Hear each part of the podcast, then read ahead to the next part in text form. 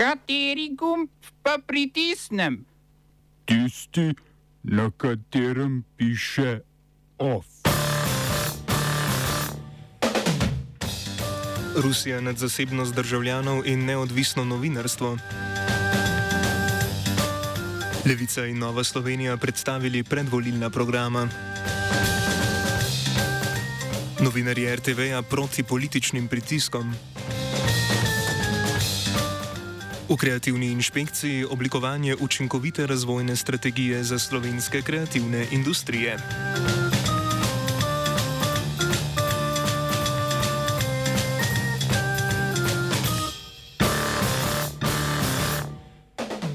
V Ukrajini se vojna nadaljuje tudi 12. dan, ki je tudi nov dan humanitarne in ekonomske krize. Ruska vojska naj bi danes prenehala z obstreljevanjem in odprla humanitarne koridorje, ki bi omogočili prebivalcem mest Harkov, Mariupol in Sumi, da zapustijo mesta. Po besedah ruskega obramnega ministra Sergeja Šojguja bodo koridori vzpostavljeni na prošnjo francoskega predsednika Emanuela Macrona. Evakuacija iz Mariupola je sicer včeraj že drugi dan zapored propadla. Mednarodni komitej Rdečega križa je zato okrivil nejasen sporazum med obema stranema.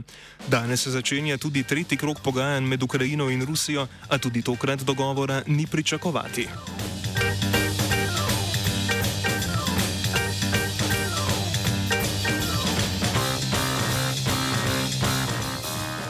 Ekonomske posledice vojne že nekaj časa čuti v svet. Danes je cena plina v Evropi narasla na zgodovinsko visoko raven, v primerjavi s predvojnim časom je zrasla kar za trikrat. Še bolj pa posledice sankcij, ki so bile uvedene proti njihovi državi, občutijo Rusi. Iz države so se v zadnjih dneh umaknile mnoge mednarodne korporacije, med drugim je dostop do vsebin v Rusiji omejil Netflix, Visa in Mastercard sta omejila bančne transakcije ruskim bankam, Nike, IKEA in HM začasno zapirajo trgovine v Rusiji, prebivalcem Rusije pa je onemogočeno tudi objavljanje na TikToku. V Rusiji so se v nedeljo nadaljevali protivojni protesti po večjih ruskih mestih. Ruska policija je pridržala okoli 5000 protestnikov.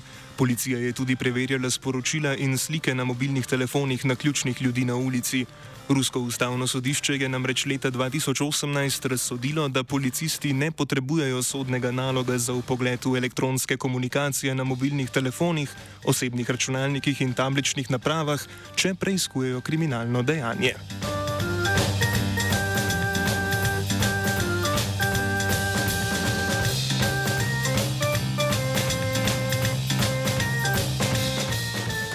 Na udaru pa ni le zasebnost ruskih državljanov, temveč tudi poročanje mednarodnih medijev. Spodnji dom ruskega parlamenta je v petek potrdil spremembo kazenskega zakonika, v katerem je ponovem zagrožena zaporna kazen dolžine do 15 let ali denarna kazen v višini do 13 tisoč evrov za širjanje lažnih informacij. Med slednje se uvršča tudi poročanje o delovanju ruskih vojaških sil in tem, da v Ukrajini poteka vojna in ne posebna vojaška operacija. Kazen je zagrožena tudi vsem, ki bi se zauzemali za sankcije Ruski federaciji. Za prenehanje oddajanja v Rusiji se je odločilo več tujih televizij, recimo BBC in Deutsche Welle, odredile pa so tudi prenehanje opravljanja dela svojim novinarjem v Rusiji. Iz Moskve se začasno ne javlja tudi dopisnica RTV Slovenija Vlasta Jeseničnik.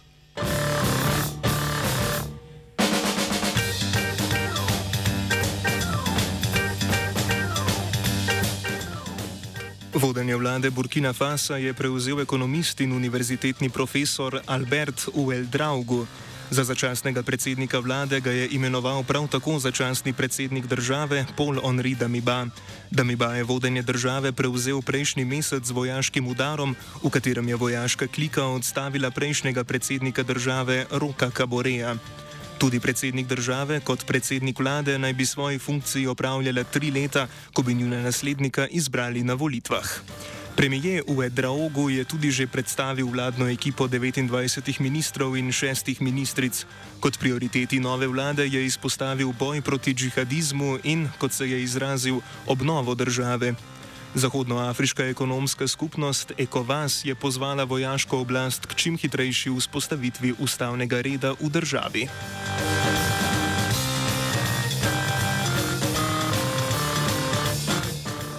Iz Burkina Faso pa v sosednji Mali. V uporniškem napadu na vojaško bazo v Mondoru v centralnem Maliju je umrlo 27 vojakov malijske vojske, ranjenih pa jih je bilo 33. Umrlo je tudi 70 pripadnikov uporniških milic.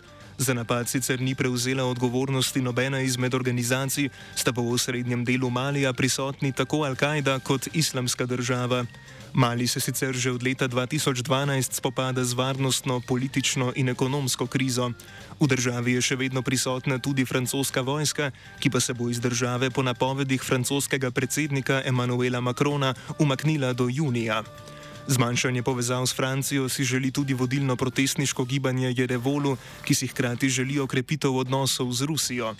Francosko-malijski odnosi so se sicer močno oslabili že z izgonom francoskega veleposlanika v Maliju konec januarja.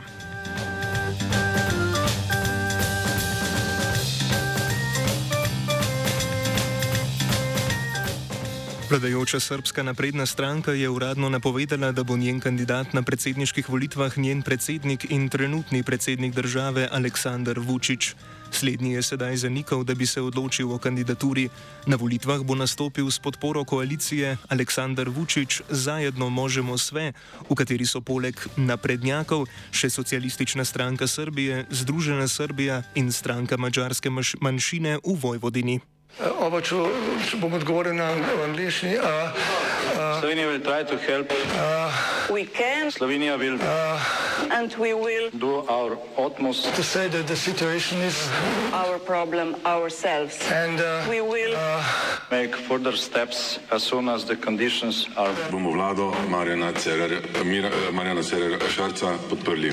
Very, very serious. News from Slovenija. We know how and we will. Generalni direktor RTV Slovenija Andrej Grah Watmov je za urednico informativnega programa TV Slovenija imenoval dosedanjo vršilko dožnosti Jadranko Rebrnik. Rebrnik sicer ni prejela pozitivnega mnenja novinarjev informativnega programa, saj jo je podprla le dobra petina novinarjev. Pozitivno mnenje je z nekaj več kot 80 odstotno podporo prejel nekdani urednik dopisništv Mitja Prek. Vršilec dožnosti direktorja TV Slovenija Valentin Areh je generalnemu direktor, direktorju sicer posredoval predloga obeh kandidatov. Na današnji tiskovni konferenci so se na nedavno dogajanje odzvali novinarji in režiserji informativnega programa. Izpostavili so predvsem napad na neodvisno novinarstvo, politične pritiske ter ignoriranje kolektiva. O novinarskih zahtevah voditelj dnevnika Saša Kranc. Prvi program televizije Slovenija je vse bolj osiromašen. Spored ne drži, odločitve o prenosih odaj in shodov presenečajo ne le javnosti, temveč tudi zaposlene na RTV Slovenija.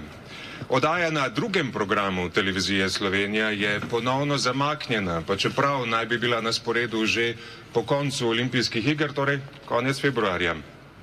Zahtevamo popolno uredniško in novinarsko avtonomijo brez vsakršnih političnih pritiskov. Pričakujemo, da v morebitnih spremembah programa javne RTV odloča zgolj RTV Slovenija in nikakor na pobudo ali v korist političnih strank in vplivnežev. Kot profesionalni novinarji ostro zavračamo vse pritiske in škodoželjne kritike. Pisci leteh namreč namenoma sprevračajo pomene nekaterih komentarjev. Programski svet Radio Televizije Slovenija pozivamo naj svoje delo opravlja neodvisno in nepristransko, kot mu to tudi nalaga zakon o RTV Slovenija.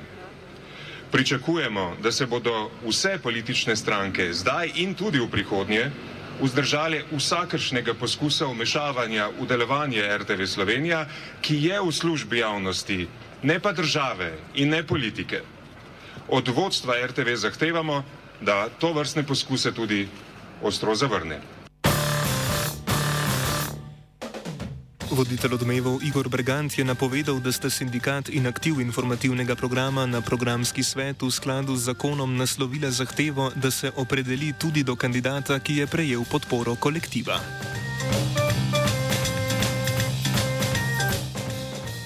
Levica in Nova Slovenija sta kot prvi stranki predstavili volilna programa na listi kandidatov za aprilske državno-zborske volitve. Stranki, ki sta se še pred začetkom uradne volilne kampanje izoblikovali kot nasprotnici, sta sicer obe izpostavili pomen prihajajočih volitev. To je ena redkih točk, pri katerih stranki govorita isti jezik. Levica voljivcem sicer obljublja raz, razveljavitev Toninovega zakona o investicijah v slovensko vojsko, referendum o izstopu iz NATO in ukinitev vojaškega vikarijata.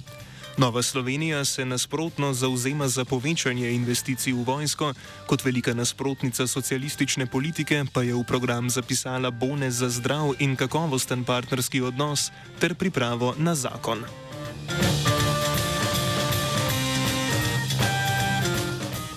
OF je pripravil Blaž.